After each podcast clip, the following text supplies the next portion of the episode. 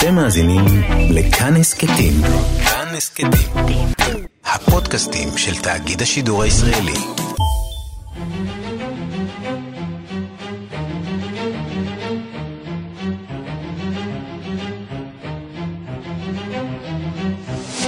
השעה הבינלאומית 19 בפברואר 2020 והיום בעולם.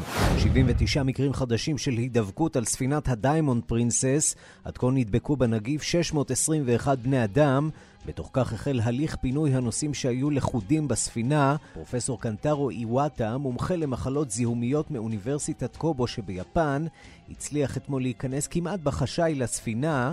בריאיון בלעדי לשעה הבינלאומית הוא מספר על מה שהוא מגדיר מחדל. I was not expecting nobody was professional infection control specialist and the uh, only the bureaucrats were doing the jobs uh, completely layman's work. לא האמנתי שלא היה על הספינה אף אדם אחד מקצועי.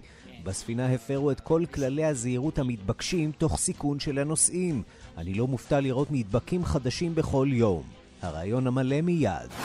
בנבדה התקיים היום העימות בבחירות המקדימות למפלגה הדמוקרטית. בפעם הראשונה השתתף בעימות גם מייקל בלומברג, ראש עיריית ניו יורק לשעבר. המתחרים שנמצאים במרוץ כבר זמן רב, מפשילים שרוולים ויוצאים למאבק. Michael Bloomberg with 62 billion dollars can buy every ad he wants, but he can't in fact wipe away his record. I, I'm looking forward to debating Michael Bloomberg. I can't beat him on the airwaves, מייקל בלומברג עם 62 מיליארד דולרים יכול לקנות כל מודעה שהוא רוצה, אבל הוא לא יכול למחוק את העשייה שלו, אומר ג'ו ביידן. אני מצפה להתעמת עם מייקל בלומברג. אני לא יכולה להביס אותו מעל גלי האתר, אני יכולה להביס אותו בעימות, אומרת המועמדת אמי קלובשאר. היה נכון או שאולי לא ממש נכון. הצופים באמריקה הכריזו על פשיטת רגל בעקבות אינספור תביעות על הטרדות מיניות קשות לאורך השנים. We know there are thousands of perpetrators and scouts, and that's because the scouts kept files, and they kept these files quiet. יש אלפי תוקפים בצופים, אומר עורך דינו של אחד התובעים. אני יודע זאת משום שהם החזיקו תיקים ושמרו עליהם בשקט. This is a dreadful, desolate, ugly island. היום לפני 75 שנה החל קרב איוג'ימה, אחד הקרבות הקשים במלחמת העולם השנייה, שסימן את תחילת תבוסתה של יפן. וגם...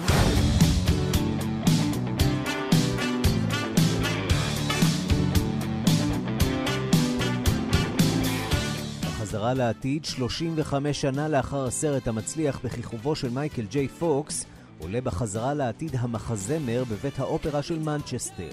בתפריט חזרה לעבר לפסקול של שנות ה-80.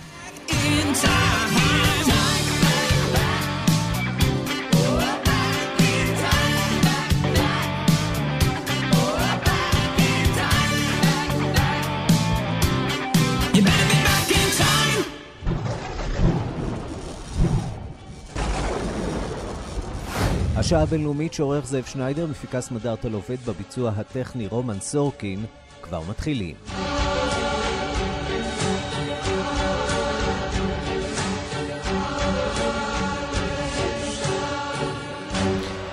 שלום רב לכם, אנחנו פותחים בנגיף הקורונה. היום מסתיים באופן רשמי הבידוד של הנוסעים ואנשי הצוות אה, בספינה דיימונד פרינסס, אבל גם ביום שהיה אמור להיות משמח עבור הנוסעים, הגיעו לא מעט אה, חדשות רעות, ובינתיים מניין המתים כתוצאה מהידבקות בנגיף עולה על אלפיים. שלום לכתבתנו מאיה רכלין. שלום ערן. כן, הנוסעים אה, ואנשי הצוות על ספינת התענוגות, הדיימונד פרינסס, ציפו בקוצר רוח ל-19 בפברואר, והיום הגיע הבידוד על הספינה הסתיים באופן רשמי, וביפן החלו בשחרור הדרגתי של הנוסעים שנבדקו ונמצא שהם לא חולים, חולים בנגיף אה, קורונה. הנה ראש הקבינט היפני יושיהידה סוגה שמבטיח אנחנו פועלים כדי למנוע התפשטות נוספת של הנגיף.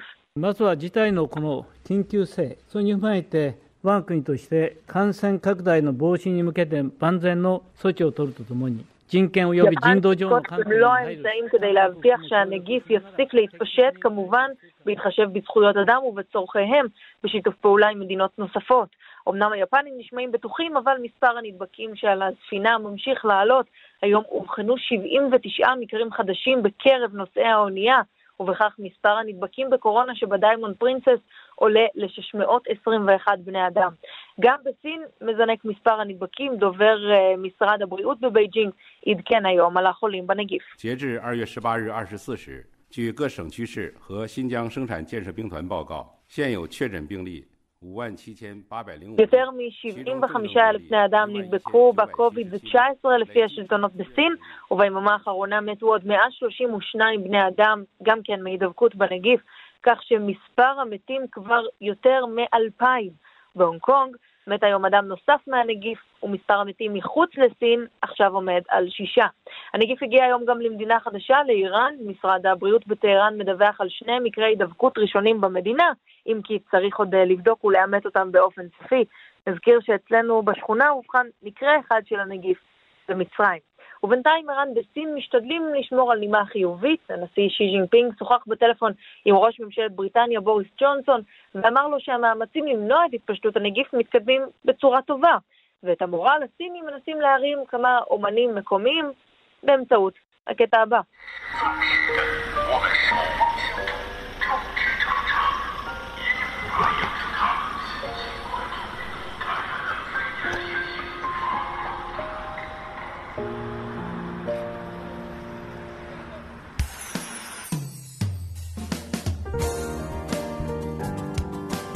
מה שאתה שומע כאן, ערן, זה שיר שהוציאו אותו בפלסטינים, בניסיון להעלות את המורל הלאומי במאבק בנגיף אה, קורונה. הם משבחים כאן את החולים, את הרופאים והאחיות שנלחמים בנגיף, וגם את עובדי הבניין שמקימים, שמקימים בתי חולים במהרה. קוראים לשיר הזה שיר לאהבה, ממש כמו אצלנו. Mm-hmm. והנה חלק מהמילים שלו, חודש מרץ יהיה מלא בשמש. נחכה שהשמיים יתבהרו, ההתמדה היא הכוח שלנו, ובקליפ שלו אפשר לראות את עובדי השלטון נלחמים בנגיף בכל דרך אפשרית. כן, והלב יוצא לאזרחים הסינים שנאבקים במחלה הזאת ולכל אותם רופאים שחלקם גם מקריבים את חייהם בניסיון להציל חולים.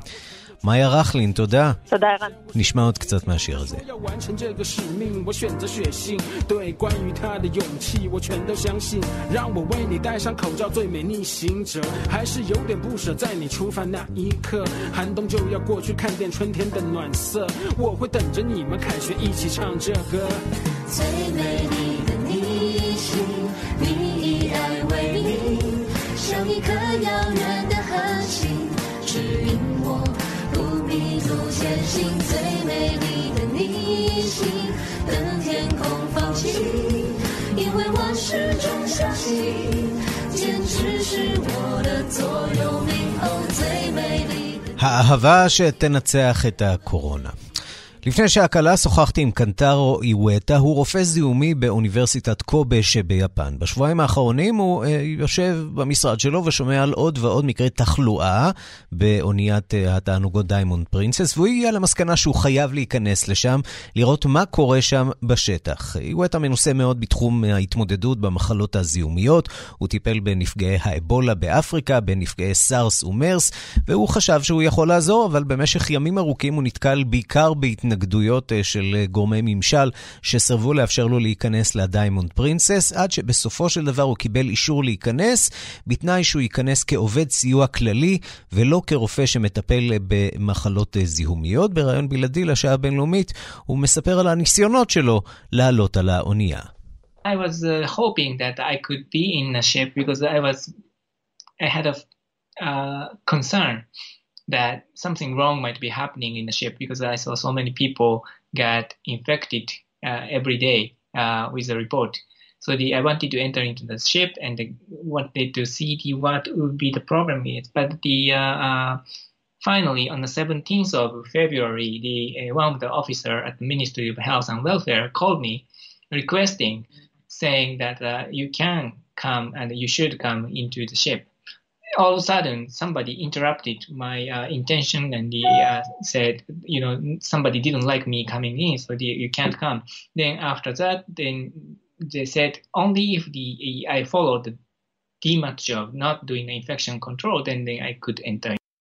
כן, הוא אומר, אני ניסיתי במשך אה, כמה וכמה ימים אה, להיכנס, רציתי לראות מה הבעיה שם, מדוע יש כל כך הרבה אה, חולים. שלשום, בסופו של דבר, מישהו במשרד הבריאות היפני התקשר אליי וביקש שאני אכנס.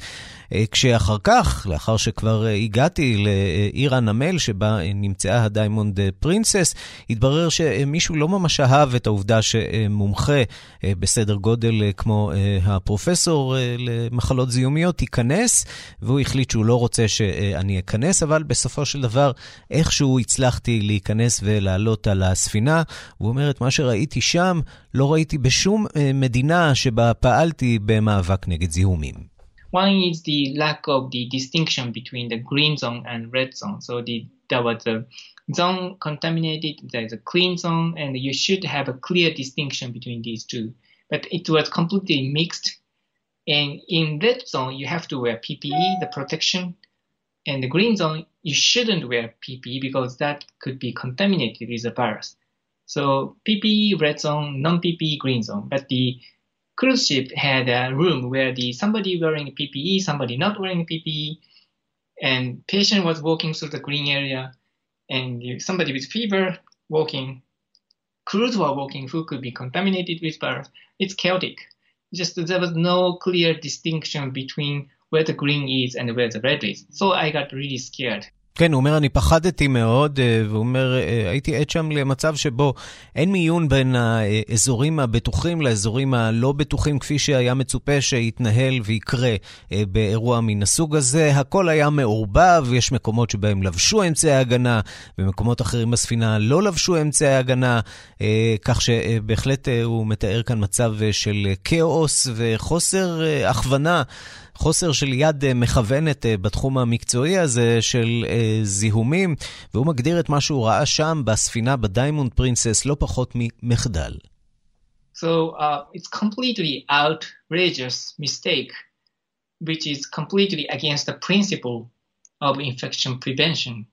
And the, I was really shocked to see that because the, that was on the 18th of February, which started on the 5th, lasted for more than eight days like this. So no surprise to see the secondary transmission to occur under these kind of circumstances. כן, הוא אומר, זה מחדל, מה שקרה שם הוא פשוט טעות מזעזעת שעומדת אה, בסתירה לכל השיטות המקובלות בתחום הזיהום, וזה נמשך ככה במשך אה, שמונה ימים, ללא מפריע, ללא יד אה, מכוונת. אני פשוט הייתי בהלם מהדבר הזה. הוא אומר, בתום השהות שלי שם, הוא מספר, מישהו קלט שאני בעיקר עושה שם מעקב אחרי נושא הזיהום, והחליטו שהגיעה השעה להוריד אותי, הורידו אותי. מהספינה הזאת, אה, וכך אה, אני אה, בחוץ, אני מחוץ לספינה הזאת. שאלתי אותו מה הוא מתכוון לעשות עכשיו עם כל המידע הזה, אז הוא אומר, אני כמובן מפיץ את המידע הזה ברחבי העולם. חשוב לי שאנשים ידעו, חשוב לי שאנשי מקצוע ידעו כיצד התנהלה כאן הממשלה היפנית. על עצמו הוא אומר, אני גוזר בידוד עצמי במשך שבועיים, לא בגלל שלא התמגנתי, אלא משום שיש אזורים לא ממוגנים שם בתוך... בתוך הספינה, שמהם בכל זאת, חרף המיגון שלי, יכולתי להידבק, והוא אומר, אני גוזר על עצמי בידוד עצמי. No, because I went into the my common clothes with a surgical mask, not wearing a PPE, but turned out that green area we assumed was not really green. So I was not pretty sure whether I touched the virus by mistake because virus is not visible, you can't really be sure for that. There must be some system all the time to fight against the viral illness. So I'm not very surprised if I got the fever in the next few days. Um, I'm not going to be surprised. אני לא אופתע אם אני אחלה בימים הקרובים, הוא אומר. המקום שהיה אמור להיות בטוח, לא היה בטוח. הדברים האלה חייבים להתנהל אה, בשיטה, ויש שיטות, יש שיטות אה, בריאותיות לנהל אה, בידוד כזה, והשיטות הללו לא נאכפו בדיימונד פרינסס. שאלתי אותו ככה באופן אישי, מה רעייתך אומרת על הדבר הזה? אתה החלטת במידה רבה לשים את נפשך בכפך, להיכנס לתוך המרחב המסוכן הזה, והוא אומר, אשתי גאה בי. Well, yes, uh, they are happy. My wife is also infectious disease specialist, and she's very proud of me. And I'm very proud of her allowing me to behave like this. Absolutely. Oh, I'm bombarded by a lot of criticisms, not following the authorities, not following the seniorities, not following superiorities, whatever you call. כן, והוא אומר, אשתי מרוצה מאוד, היא גאה בי, אה, היא מומחית בתחום המחלות הזיהומיות אה, גם כן, כך שהיא בהחלט אה, מבינה, הבינה את השאיפה והרצון שלי להיכנס לתוך אזור הסכנה וללמוד אותו. אני גאה בה על הגישה שלה. בימים האחרונים, הוא אומר, בשעות האחרונות, מאז שפרסמתי את הפוסט שלי ברשתות החברתיות, אני מקבל לא מעט דברי ביקורת, בעיקר של הממשלה היפנית, על כך שחרגתי מהכללים, על כך שלא עמדתי בסודיות שנדרשה ממני, על כך שאני מפרסם את הדברים. כזה אני אומר לנו. אני קצת מרדן, זה אולי שונה ממה שמקובל ביפן, אבל חשוב שיהיו גם אנשים כאלה שישפכו מעט אור על מה שעכשיו כבר מתברר כמחדל, מחדל מאוד גדול שהיה שם בספינת הדיימונד פרינסס. עד כאן בסיפור הזה.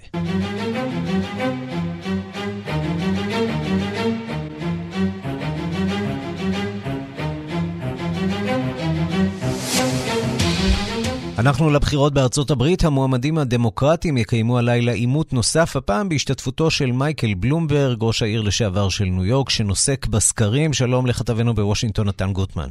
שלום ערן. וערב העימות מספק בלומברג הבהרה חשובה לגבי עסקיו הפרטיים. כן, כי אחת השאלות שעומדות על הפרק היא, מה קורה כשאיש עסקים, מיליארדר, הם, הם, רץ לב, לנשיאות או נבחר ונכנס לבית הלבן? היה ניסיון קצת בעייתי כמובן עם דונלד טראמפ, שדי סירב להיפטר מעסקיו הפרטיים ובסוף עשה עם, כמה עם, העברות למשפחה שלא סיפקו את רוב עם, הפעילים בתחום השמירה על ניקיון הכפיים עם, בנוגע להפרדת הסמכויות בין האדם הפרטי או האדם הציבורי לבין העסקים שלו. מייקל בלומברג, הבעלים של אימפריה שנושאת את שמו, ארגון מידע חדשות, בעיקר מידע בורסאי ששווה מיליארדים, הוא הודיע שאם הוא ייבחר לנשיאות, הוא יוותר על כל עסקיו הפרטיים, הוא יעביר אותם לקרן, שתנוה... לבעלות שתנוהל באופן עיוור, כלומר לא תהיה לו שליטה על זה, והבעלים החדשים ימכרו את העסק, הרווחים ילכו לקרן ההצדקה שלו, הוא אומר התנאי היחיד שהוא יציב בפניהם זה לא למכור את העסק לא לחברות זרות או לבעלים זרים, כך שלפחות העניין הזה נפתר, כי כמובן שיש הרבה מאוד שאלות שעדיין פתוחות לגבי מייקל בלומברג, שעכשיו שהוא מועמד רציני ונמצא במקום השני בסקרים הארציים, הם רוצים לדעת יותר עליו, ואנחנו נשמע גם הרבה על זה בעימות שיהיה הלילה בלאס וגאס, אבל אחד הדברים, מה הוא יעשה עם עסקיו הפרטיים, זה לפחות ייפתר. אגב, השאלה הזאת עלתה גם כשהוא היה ראש עיריית ניו יורק, אז הוא לא עזב את עסקיו הפרטיים, ושאלה כמובן שעלתה כאשר הוא נכנס למרוץ לנשיאות הייתה, מה עם חברת החדשות העצומה של בלומברג, איך הם יכסו את המועמד שהוא גם הבוס שלהם, בהתחלה הם החליטו על מדיניות זהירה של כיסוי מוגבל שלו והבהרה של הקשרים ביניהם, אבל כאמור הוא מבטיח שאם ייבחר הוא ימכור את העסק. נתן גוטמן, כתבנו בוושינגטון, תודה. תודה רבה.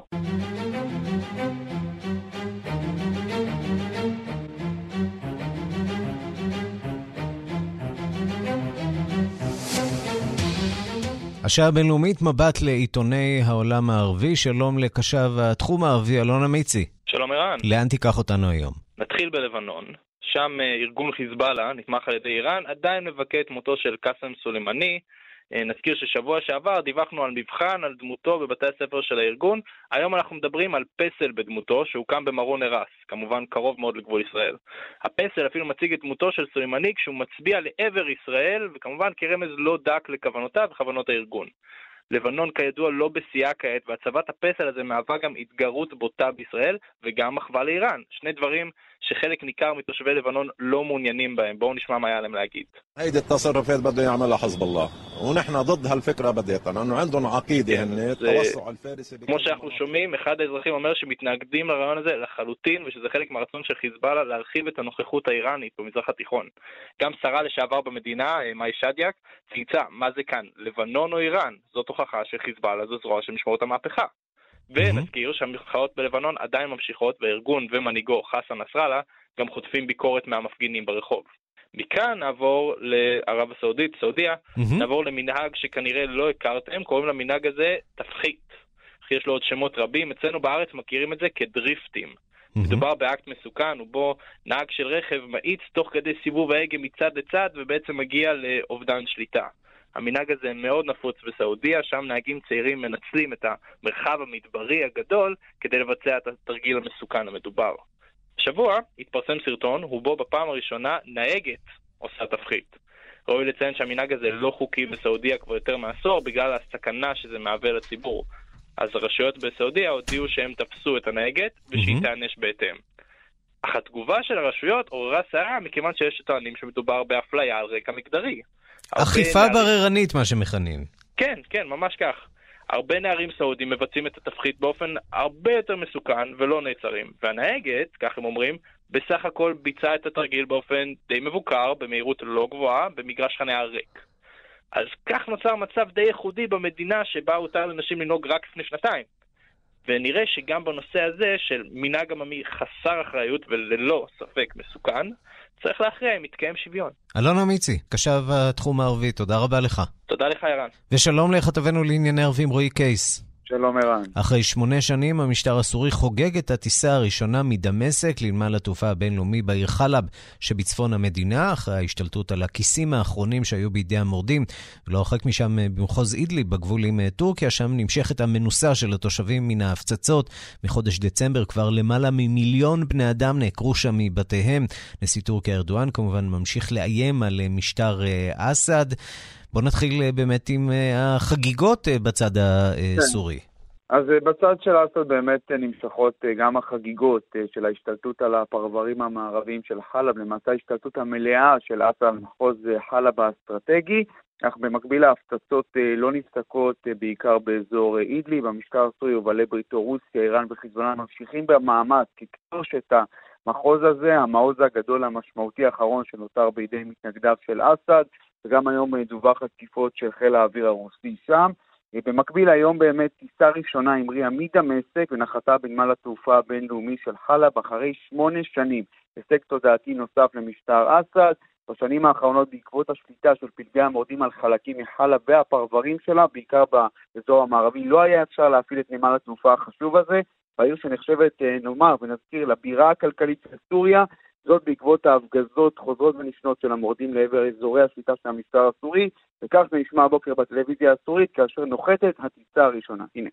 في وزارة النقل نعلن عن بدء التشغيل لمطار حلب الدولي من خلال الرحلة الأولى זהו קולו של עלי חמוד, שר התחבורה הסורי של המשטר הסורי, שאומר אנחנו מודיעים על הפעלת נמל התעופה הבינלאומי של חלב, טיסה ראשונה נחתה עכשיו פה, אנחנו גאים בניצחון האדיר של הגיבורים שלנו, אנשי הצבא הסורי, באמצעות הניצח- הניצחון הזה נמל התעופה הזה חזר אה, לפעול, נאמר שבנמל התעופה הזה היו עוברים שני מיליון נוסעים כל שנה ולכן יש פה חשיבות אה, רבה מבחינה כלכלית, גם התיירות הסורית שמאוד נפגעה בשנות אה, המלחמה, כמובן שהשר הודה לנשיא סוריה בשאר אל-אסד שאי אפשר היה לנצח את המערכה בלעדיו, מי שקצת פחות מנצח במערכה הזאת לפי שעה נשיא טורקיה רג'ב טייב ארדואן, שהיום שב ומאיים על המשטר הסורי שמבצע צבאי של הטורקים באידליב הוא רק עניין של זמן, ארדואן עדיין מנהל שיחות עם הרוסים, מנסה אולי להגיע לאיזשהו פתרון, ובינתיים אין תוצאה ממשית. אזכיר שארדואן כבר איים שאם עד סוף החודש לא תהיה נסיגה של הצבא הסורי מהאזורים בקרבת עמדות התצפית הטורקיות באזור אידליב,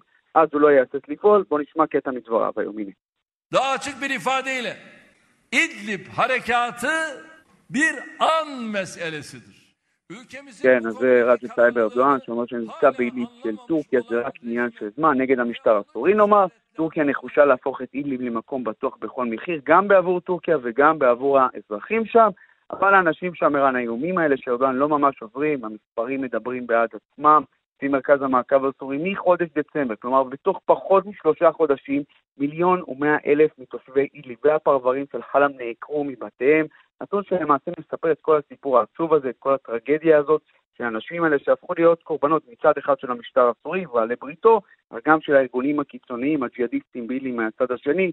אחד מהם זכה להתפרסם השבוע, וגם דיברתם עליו אתמול, אותו אבא מאידלי בשם אה, עבדאללה מוחמד, שבשנים האחרונות ניסה לגרום לביתו סלווה להתמודד עם ההפצצות וההפגזות של המשטר הסורי באמצעות צחוק, כל פעם שיש הפגזה היא צוחקת.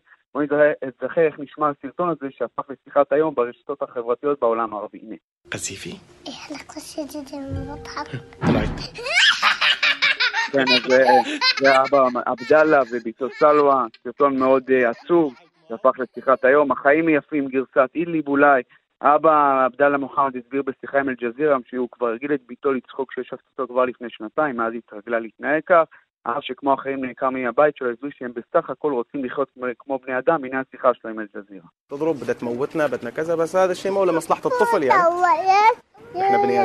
אה, אבא, יאללה שאומר, אנחנו בני אדם, אנחנו רוצים לזכויות אדם, רק רוצים לחיות, אין לנו יותר שאיפות, רק רוצים שהילד ידע קרוא וכתוב, שנוכל, שנשתה, שנחיה בלי הפצצות, בלי מטוסים שתוקפים, זה המקסימום, סף הדרישות שלנו. אבל באידליב, כמו באידליב, צפון מערב סוריה, דרישות אלמנטריות לחוד ומציאות עגומה לחוד. שמע, הניגוד הכל כך אה, קיצוני בין העובדה שיש להם אה, תקשורת אה, חופשית, רשתות חברתיות שהם יכולים להעלות אליהם את כל האירועים וכל מה שעובר עליהם, לעובדה שהדבר הזה פשוט אה, אה, נמשך אה, ללא כל התערבות או הפרעה של הקהילה הבינלאומית. הניגוד הזה הוא כל כך נוראי, אכזרי ועצוב, ומעלה גם לא מעט תהיות. אנחנו שואלים הרבה פעמים, איך קרה שהעולם לא התערב, שהעולם לכאורה לא ידע מה קרה בשואה, אז העולם ידע והעולם יודע גם עכשיו, נכון. ולא עושה שום דבר. נכון, רק מוציא הודעות גינוי, זה למרבה הצער מה שהוא עושה, למרבה הצער. רועי קייס, כתבנו לענייני ערבים, תודה. תודה. שלום לדוקטור אה, חי איתן כהן יר- נרוג'ק, שלום, שלום. מומחה לטורקיה ממרכז אה, משה דיין באוניברסיטת תל אביב. שלום, צהריים טובים. בואו נדבר קצת על אה, נשיא טורקיה ארדואן והמדיניות שלו בסוריה. אולי נלך אה, צעד אחד אה, אחורה. בוא תסביר לנו את, את הרציונל, את אה, מה שבעצם מניע את המעורבות הטורקית שם אה, באידליב. מדוע אה, טורקיה מתעקשת אה, להיות מעורבת בכלל אה, במלחמה הזאת? אוקיי, אז הכל התחיל עם האביב הערבי. טורקיה חשבה שהרחוב הערבי, כלומר האחים המוסלמים, ישתלטו בכל מיני מד- מדינות בדומה למצרים, אבל לאחר מכן אה, טורקיה גילתה שהרוח נושבת מה, מהכיוון הלא רצוי. כלומר, פתאום התחילה לראות שגם במצרים, גם בלוב וגם בסוריה, כל היריבים של טורקיה התחילו להביס את, ה, אה, את המחנה של האחים המוסלמים, וטורקיה פשוט בחרה את הצד שלה והתחילה כבר אה, לתמוך גם כספית, גם לוגיסטית וגם צבאית אה, אה, במורדים בסוריה, אה, בגלל העובדה שיש אה, רצף הטריטוריאלי והקרבה, כאילו, אה, מן הסתם טורקיה וסוריה הן שכנות, ואז הטורקים נותנים חשיבות רבה לגבול שלהם. אנחנו אה, מדברים על, על מורדים שהם אה, אוכלוסיות טורקמניות בעיקר, או שלא בהכרח, גם לא רק? טורקמניות, טורק, טורקיה התחילה להתערב במתרחש בצפון סוריה לטובת הטורקמנים, כדי בסופו של דבר להנמיך את ההשפעה הכורדית, אבל מאוחר יותר אנחנו גם התחיל, התחלנו לגלות שטורקיה הפכה להיות האח הגדול של כל הסונים, אה, בוא נגיד, של הכוח ה...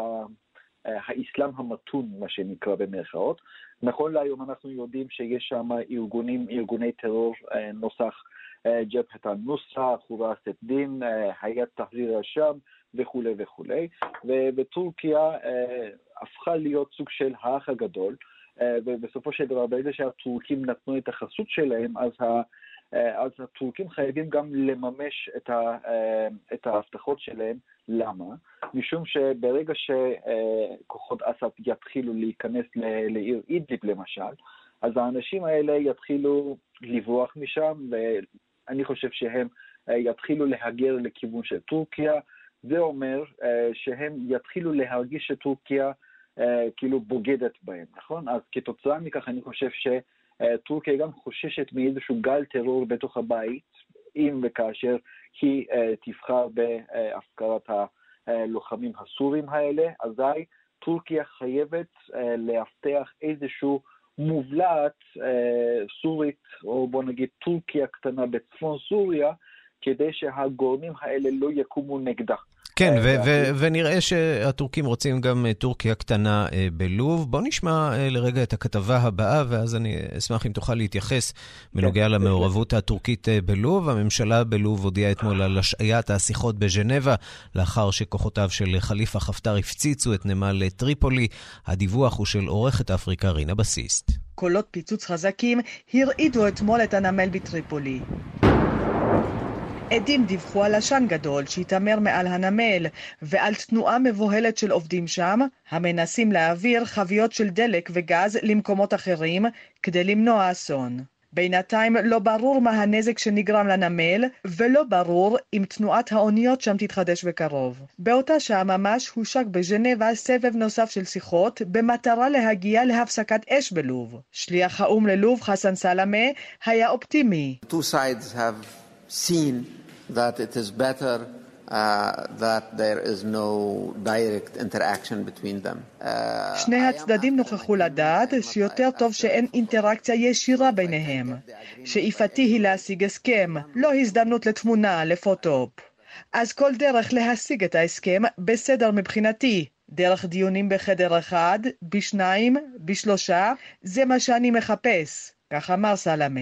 מי שהגיעו לז'נבה הידיעות על ההתקפה על נמל טריפולי, גינה אותה סלמה בחריפות.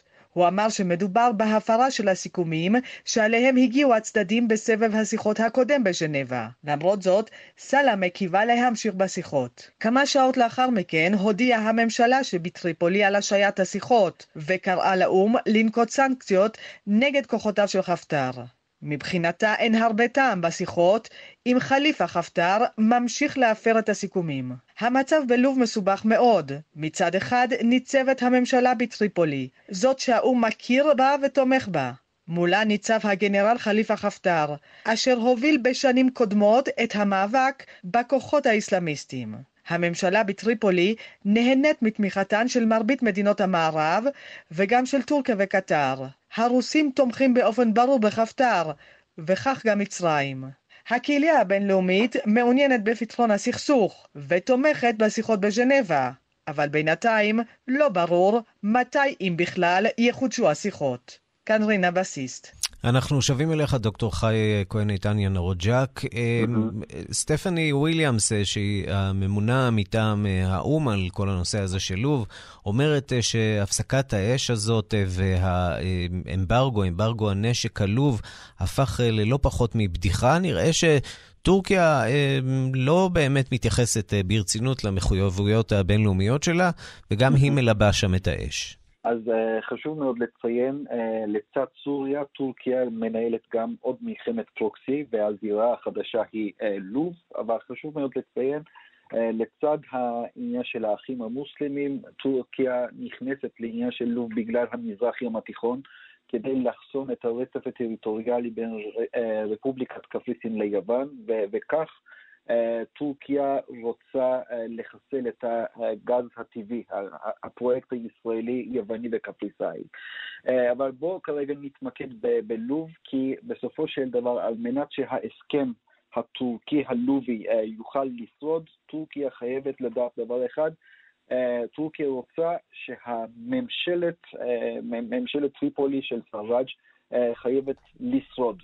אז על כן טורקיה בכל מחיר מעבירה שמה מעבירה שם את התחמושת ואפילו מיליציות סוריות ואפילו חברה בשם סאדאת שהם בעצם נותנים הכשרה ללוחמים המקומיים. כמו שזה נראה כרגע, כנראה שכוחותיו של חפטר בשלב כזה או אחר ינצחו, כיוון שעומדות מאחוריו הרבה מאוד מעצמות חשובות. נכון.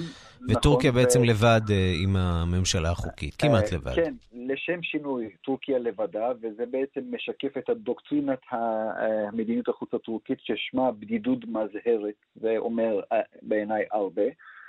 אני גם חושב שהגורל, גורלה של, של לוב וגורלה של סוריה הם הולכות ביחד, משום שטורקיה נמצאת בחזית השנייה מול הרוסים, ואני חושב שמה שמתרחש בסוריה גם איכשהו מתקשר גם ללוב. שתי המדינות כמובן בוחרות לא להילחם זו נגד זו, אבל אנחנו רואים היטב שיש פה מלחמת פרוקסי לכל דבר. ואנחנו גם יודעים היטב שאידליב בצפון סוריה זה גם בוער. אני לא חושב שהרוסים ישתקו, שהם לא, לא נראה לי שהם יעברו לסדר היום בקלות. לטורקיה, כתוצאה מכך הטורקים חייבים לקבל איזשהו מחסה. ומי ייתן את המחסה? באופן מסורתי, הטורקים כרגע מתקרבים לכיוון של ארצות הברית, ופתאום mm-hmm. הטורקים נזכרו שהם עוד הפעם חברה בנאטו. השר ההגנה הטורקי הוא לוסי הקר ביקר בבריסל, והוא אמר שלטורקיה יש, טורקיה נותנת חשיבות רבה לנאטו. ג'יימס ג'פרי הגיע לאנקרה. כך שיש ניסיונות להדק בריתות ישנות, למרות שלא בטוח שהטורקים ימצאו מישהו בבית, ודאי לא בבית הלבן. או בבריסל, שירצה ממש נכון. להקשיב. בדידות מזהרת קראת לזה, פעם כן. קראנו לזה מדיניות של אפס בעיות, היום זה מדיניות של אפס פתרונות כנראה. דוקטור חי איתן כהן ינרג'ק, מומחה לטורקיה ממרכז משה דיין באוניברסיטת תל אביב, תודה רבה לך על הדברים. תודה לכם על ההזמן, הכל טוב.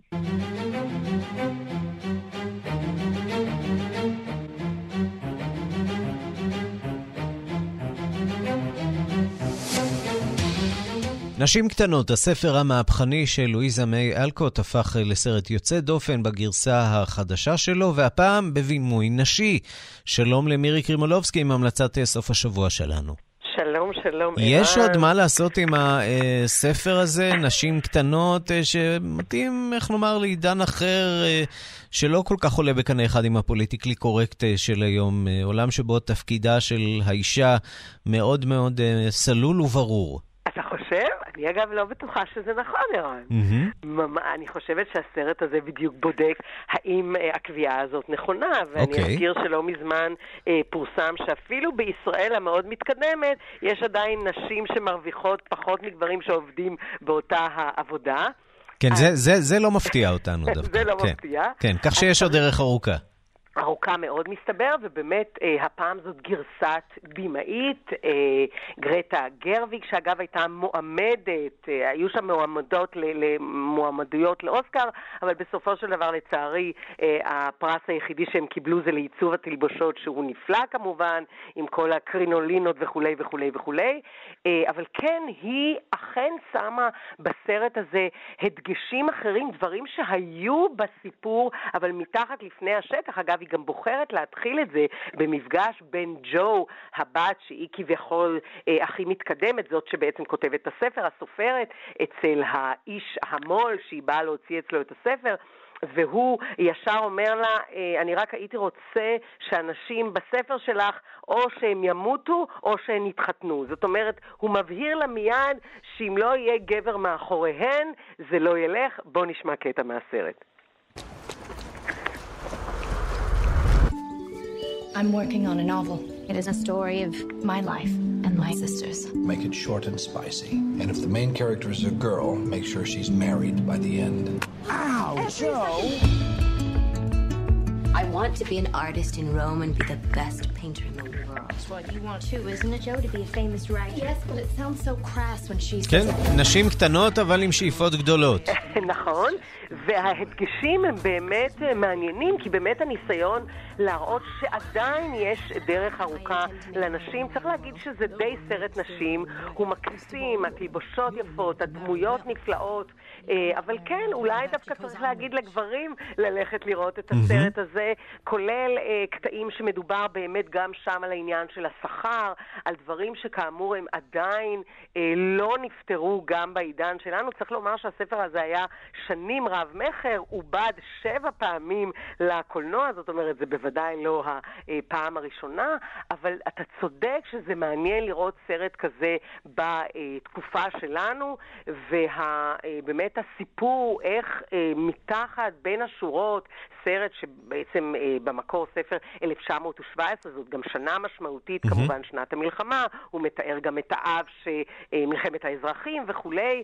מה תפקידם של נשים? כמה נשים התחילו אז, אבל עדיין יש להם אה, מאבק אה, ארוך לפניהם. כשכמובן מלחמת העולם הראשונה שינתה באופן מהותי את מעמדן של נשים, שנאלצו נכון. להיוותר מאחור אה, ולמלא את אה, מקומם של הגברים, שעד אז אה, מילאו את, אה, אה, את התפקיד של פרנסת המשפחה.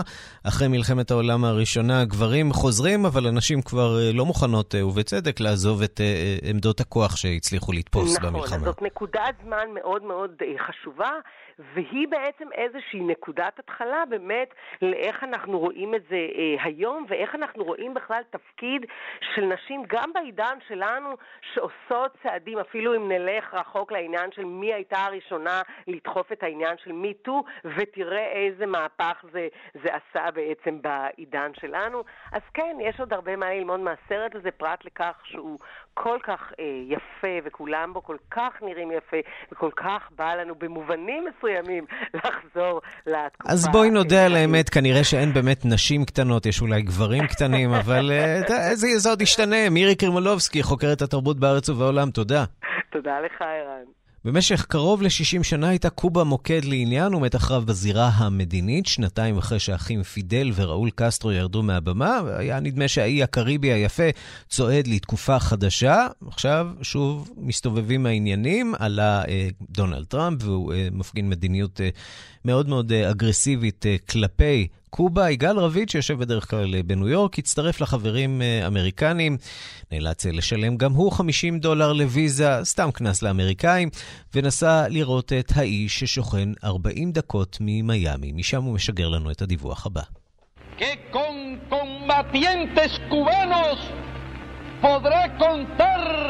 el movimiento revolucionario en cualquier rincón de la tierra. פידל קסטרו, במועצת המהפכה בהוואנה, 1966, מאוד מזמן. אולי הבעיה באמת בדברים האלו ששמענו כרגע, קסטרו מכוון למהפכה העולמית שרצה להוביל, כשאת המחיר שילם העם הקובאני. 56 שנים שלט פידל שלטון יחיד טוטאלי, בלי תקדים, חסר דוגמה באורך, בעוצמה, הכל בכוח אישיותו, לא כולל 12 שנים נוספות של אחיו ראול, וביחד רק לפני שנתיים הסתיימו 60 שנות קסטרו. את הקטע הזה חשוב להשמיע כדי להבין שרבים כמותו שומעים הקובאנים כל הזמן בשני ערוצי הטלוויזיה היחידים החוקיים. אה, אם אצלנו זו הפסקה לפרסומת, אצלם זו הפסקה לפידל, אבי האומה. קטעים מנאומים משולבים בהישגי המהפכה, אה, כמו למשל, אה, לא נעים, הוצאה להורג גרפית במיוחד של סוחרי סמים, משולבת שוב בדברי הקומנדנטה Hermanos, la revolución socialista de la República Cubana.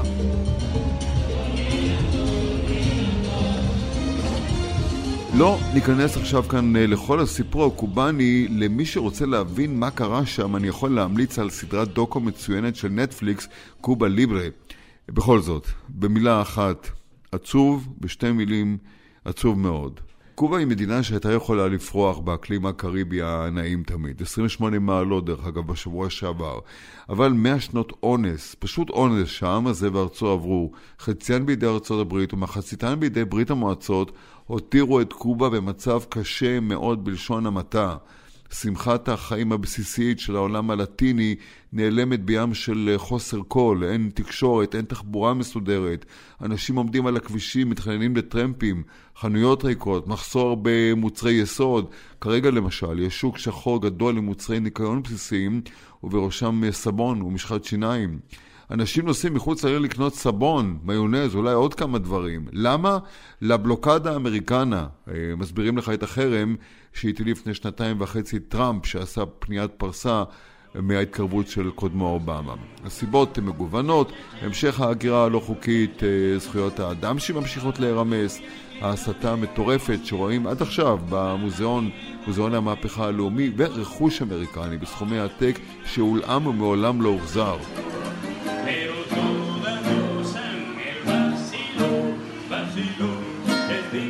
קובה, פברואר 2020, העולם השלישי פוגש את העולם השני של מזרח אירופה של פעם. בתים קולוניאליים מתקופת הכיבוש הספרדי לצד מלונות אמריקנים ליד הים שהיו פעם בתי קזינו מפוארים. בנייה סוציאליסטית שרואים ברוסיה וכמובן המכוניות. הגדרה חדשה של אנטיקות, מה זה רכב ישן? היכולת לשרוד שבא לידי ביטוי בכביש במכוניות שכאילו זורקות אותך עשרות שנים אחורה, אחרי שעברו שינויים ואלתורים, ובטח לא היו עומדות uh, במבחני בטיחות וזיהום במערב, אבל נוסע, כמו גדול. יש uh, שני סוגי מטבעות למקומיים ותיירים, זה הזמן להגיד ולהזהיר שלא יעקצו אתכם, בכל דבר אגב, אבל בערב, בסוף היום, לכו אל הקאסה דה למוסיקה במרכז העיר, אה, חגיגה באמת אמיתית, אותנטית כל הלילה, ג'אז, אפרו, קובאני, סלסה, בנרה, הכל עם המוחיטו, הבנה קלוב הכי טוב ששתינו. ולסיום, ברור שמשהו צריך להשתנות שם בקובה, מובן ומקובל שזה צריך לקרות עם השקעות מערביות שיגיעו, אבל אם יגיעו, כשארצות הברית תרגיש בטוחה יותר. זה לא יקרה כנראה בימי טראמפ.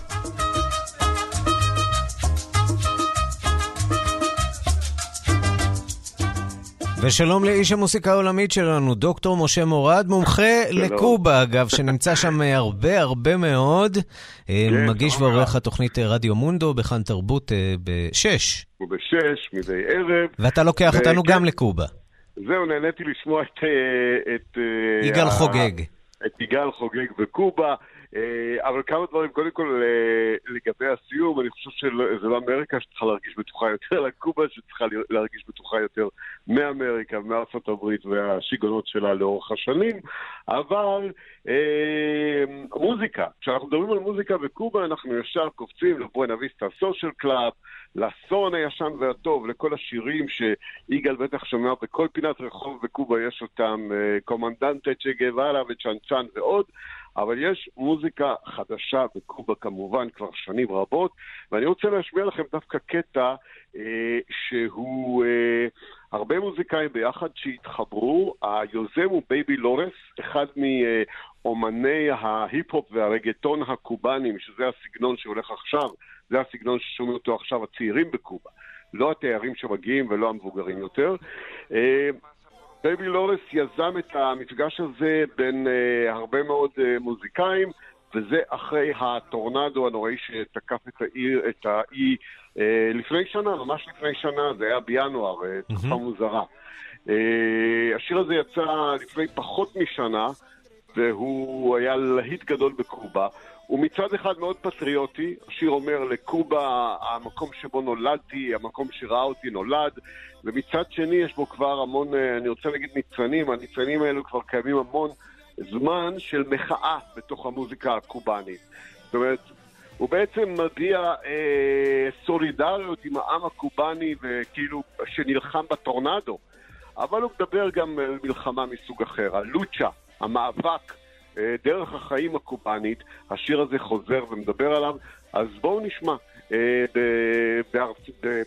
בראיונות שבבי לורס והמוזיקאים האחרים, אל צ'קל ועוד שהשתתפו בנתנו, אמרו, לא, לא, לא, לא מדובר פה בפוליטיקה, כמובן שיש המון פחד בכל מה שקשור אה, לפוליטיקה וחופש הדיבור בקובה עדיין, למרות שהמצב משתפר, לא מדובר בפוליטיקה, אבל מדובר בהזדהות עם העם הקובאני שנלחם ונלחם ונלחם כבר שנים רבות. אז לא פוליטיקה, אבל בהחלט סאבטקסט. הנה. demasiado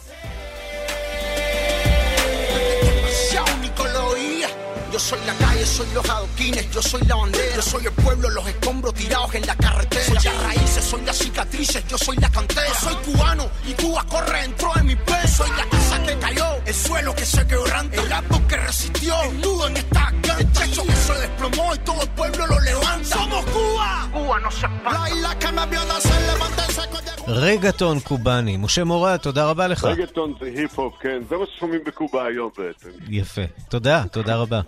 תודה. ועד כאן השעה הבינלאומית מהדורת יום רביעי, אחרונה בשבוע בצוות העורך זאב שניידר, המפיקות סמדארטה לובד ואורית שולץ, הטכנאים רומן סורקין ושמעון דוקרקר. אני ערן סיקורל, אחרינו רגעי קסם עם גדי לבנה, עוד חדשות, תוכניות ועדכונים ישירות לטלפון שלכם ביישומון של כאן. אתם מוזמנים להוריד אותו. מחר בשתיים בצהריים מורחבת עם ערן זינגר. אנחנו נפגשים שוב בשבוע הבא. להתראות. אתם מאזינים לכאן הסכתים. כאן הסכתים. הפודקאסטים של תאגיד השידור הישראלי.